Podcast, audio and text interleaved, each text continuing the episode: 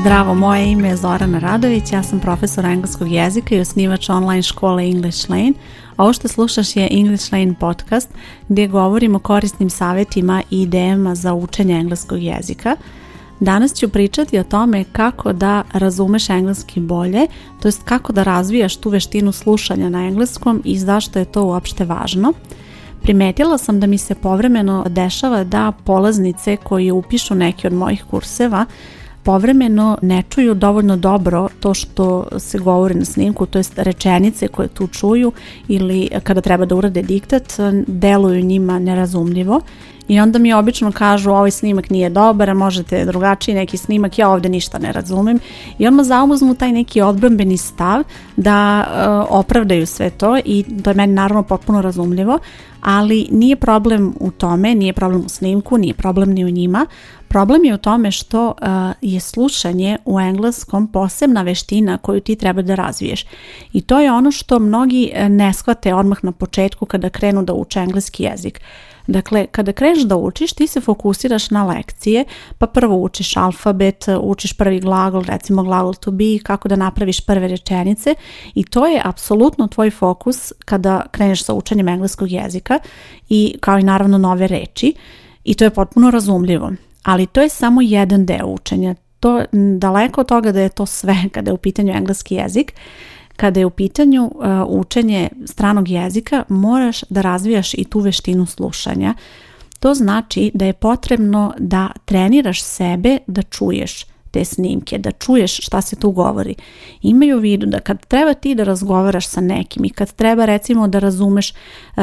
ne znam, neku seriju, neki film ili nešto kad eh, slušaš, niko neće usporiti snimak i niko neće pričati onako kao robot da bi ti to razumela, već ti moraš da prilagodiš sebe i da ti treniraš sebe da razumeš taj govor eh, onim tempom kojim se zaista i govori. Da bih ti pomogla, ispričat ću ti kako sam ja naučila i istrenirala samu sebe da slušam u periodu kada još uvijek nisam znala šta je metodika i nisam dovoljno dobro razumela proces učenja stranog jezika, ali sam radila nešto što je u tom trenutku meni bilo zanimljiva aktivnost, neki hobi, a zapravo je mnogo uticalo na to da istreniram sebe da slušam engleski jezik. Bilo je to u vreme bez uh, Google-a, bez YouTube-a uh, i internet je tek onako počinjao, ja ga još uvijek nisam imala i to je bilo samo on uh, dial-up internet ali sam imala u svojoj sobi jedan mali televizor koji nam je neko poklonio i a, imala je neku antenu koja je morala stalno da se namešta i dugme koje čak nije ni potpuno radilo nego je moralo da se ubaci neka ona drvce onako da bi stajalo, ali u to vrijeme bilo je nekoliko lokalnih televizijskih stanica koje su prenosile programe sa kanala MTV, a, VH1 i tako sličnih programa gdje se puštala muzika na engleskom jeziku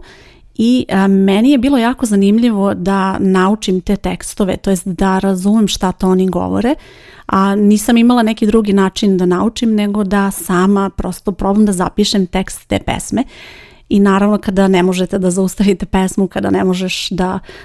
se vratiš da preslušaš ponovo, to nije baš lako i ja sam to radila tako što sam imala pored tog televizora na jednoj polici papir sa olovkom i onda kad krene ta pesma koja mene zanima, ja zapišem i to se dešavalo da u jednom redu bukvalno zapišem jednu reč, pa u sledećem redu opet po nekoliko reči. Tu su bile razne te praznine, naravno nisam mogla sve da zapišem, pa onda sljedeći put kad čujem pesmu, ja se vraćam i onda ponovo pišem i ponovo zapisujem te neke praznine i e, onako pokušavam da zaista čujem, pa kad znam da dolazi neka reč koju nisam zapisala, ja pojačam da bi malo bolje čula, da vidim šta, koja je to reč i e, to je nešto što je meni jako pomoglo da naučim kako da slušam engleski jezik i da razumem čak neke reči koje nisam u tom trenutku možda čak ni znala da napišem. Iz konteksta bih shvatila možda šta znači ili bi probala posle da ih pronađem u rečniku, ali nisu bitne te same reči kao reči, već taj ceo proces koji je mene e, istrenirao da ja naučim da slušam engleski jezik i da onda kad neko priča ja mogu da povežem te celine i da shvatim šta neko govori, čak i možda ako u tom trenutku ne razumem baš apsolutno svaku reč. To je ono što ja tebe želim da postaknem da uradiš kroz ovu epizodu i da ti na taj način pomognem da kada treba da razumeš engleski jezik, kada slušaš nekoga ko govori, da ti možeš da razumeš bolje i da si sigurnija u to šta je neko rekao. Imam dvije vrste zadatka u zavisnosti od toga šta želiš da radiš u ovom trenutku naravno. Možeš raditi isto što i ja, e, možeš uzeti znači neku pesmu koja ti se dopada i probaj da zapišeš tekst, ali nema varanja, nemoj da zaustavljaš snimak, nemoj da vraćaš, probaj jednom, znači danas slušaš jednom, zapišeš ono što stigneš, sljedeći dan kad budeš radila, vraćaš se na taj isti papir, zapisuješ i popunjavaš praznine ako ne želiš da slušaš muziku i nije ti ova vežba zanimljiva, a recimo voliš da gledaš serije ili filmove, ovu vežbu možeš prilagoditi i na taj način i ovo je nešto što sam ja savjetovala mojim polaznicama nedavno na jednom času, baš zato što sam primetila da imaju problem kada je u pitanju razumevanje. Pogledaj seriju neku koju inače gledaš i spremi jedan papir i imat ćeš nekoliko različitih zadataka svaki dan. Prvi dan zadatak će biti da zapišeš pet reči na engleskom koje čuješ i koje znaš. Dakle, u razgovoru u koji slušaš u toku serije, ti ćeš zapisati bilo kojih pet reči i za ovu aktivnost tebi bukvalno treba minut dva. Dok pogledaš seriju, čućeš nekoliko reči koje sada znaš, prepoznaješ ih i samo ih zapiši na taj papir. Poenta ovdje nisu same reči, poenta je proces slušanja, jer kad ti moraš da uradiš ovaj zadatak, ti ćeš mnogo pažljivije slušati engleski jezik. To je bio prvi zadatak. Sljedeći zadatak narednog dana, dakle nemoj da radiš sve ove zadatke u jednom danu, neće imati isti efekat. Vrlo je bitno da razdvojiš ovo sve. Drugi zadatak bit će da preslušaš opet, gledaš seriju i da čuješ nekoliko, recimo 3 do 5 novih reči koje ne znaš šta znači. Probaj da ih napišeš, verovatno ćeš ih napisati onako kako ih čuješ i to je u redu, ali sada treba da probaš da ih pronađeš šta te reči znače. U toj situaciji korisno će biti da imaš titlove, ako su titlovi na engleskom, vrlo lako ćeš vidjeti naravno kako se piše ta reč, zatim ćeš potražiti šta ta reč znači a ukoliko su titlovi na maternjem jeziku, onda ćeš pogledati prevod, vidjet ćeš šta ta reč znači i onda ćeš na osnovu tog prevoda potražiti e, šta ta reč, e, kako se ta reč kaže na engleskom i u tu svrhu možeš da koristiš Google Translate koji inače ne savjetujem da koristiš, ali u ovoj situaciji može biti koristan. Sljedeći, treći dan, bit će potrebno da napišeš tri rečenice koje čuješ probaj da napišeš kompletne rečenice koje izgovara neko od likova iz te serije i fokusiraj se na to da napišeš te rečenice tačno. Za početak te rečenice mogu biti malo kraće i to da imaju manje reči, a vremenom ćeš biti u stanju da e, napišeš možda i složenije rečenice, ali je vrlo bitno da se potrudiš da te rečenice koje napišeš budu tačne. U nastavku ovog podcasta ja ću navesti na ovoj stranici još nekoliko zadataka, to je na šta da se fokusiraš kada slušaš, ali shvataš poentu. Svaki od ovih zadataka treba tebe da podstakne da čuješ nešto konkretno u toj epizodi i razlog zašto to radiš je da bi trenirala sebe da slušaš engleski i da čuješ da prepoznaješ reči. Na ovaj način, kada ovo radiš e, duži neki vremenski period, sigurna sam da ćeš biti u stanju da mnogo bolje razumeš kada ti neko nešto govori na engleskom i da ceo ovaj proces zapravo pretvoriš u aktivnu neku aktivnost. Kada gledaš televiziju, kada gledaš neku seriju, taj e, proces, iako ti slušaš engleski jezik, taj proces je pasivan, ti čuješ jezik, ali ništa ne radiš konkretno i nisi dovoljno fokusirana na sam jezik, već više na radnju serije i na e, oslanjaš se na titlove u tom trenutku vrlo verovatno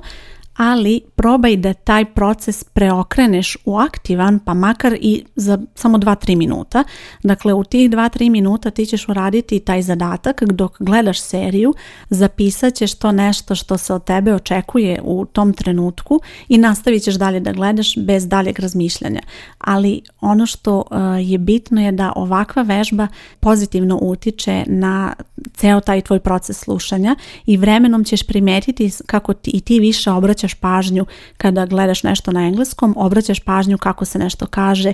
šta je neko rekao, kako je rekao i tako dalje. Ovo pitanje i ovaj problem sa slušanjem mnogo češće imaju oni koji počinju sa učenjem engleskog jezika i to je baš nešto o čemu smo pričali na času koji je predviđen za početnike u okviru moje online škole.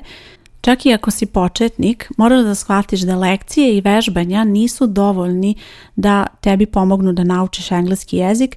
i kada je u pitanju slušanje, vrlo je bitno da uradiš ovakve aktivnosti da radiš takve zadatke koji će ti pomoći da ti razviješ tu veštinu slušanja. Normalno je da će ti možda biti u početku teško, će previše nepoznatih reći i to je sasvim normalno, ali probaj uvijek da se fokusiraš na ono što znaš, i kada je u pitanju ono što ne znaš, ograniči broj reći. Tako ćeš vidjeti, ja ću u zadatku napisati, napiši pet novih nepoznatih reči koje čuješ. Dakle, neću tražiti od tebe neki ogroman spisak reči, već ograničen broj reći jer to je nešto što ti možeš da naučiš u tom trenutku i da u tom trenutku tvoj rečnik odmah bude proširen za taj neki broj reći ali zamisli ako ti to radiš svakoga dana ili svakog drugog dana, zamisli kako ćeš rezultat vidjeti kroz par nedelja. Kada je u pitanju recimo ovaj snimak koji sam pomenula na početku epizode u jednom od kurseva koji po znacima navoda ne valja, nije problem u tome, kažem, ti treba da imaš drugačiji stav i ako treba slušaj taj snimak i deset puta dok ne čuješ pojedinačno svaku reč i dok ne naučiš sebe da prepoznaješ reči i da prepoznaš ono što učiš jer to je vrlo bitno jer reči koje ti naučiš vrlo je bitno da ih prepoznaš u konverzaciji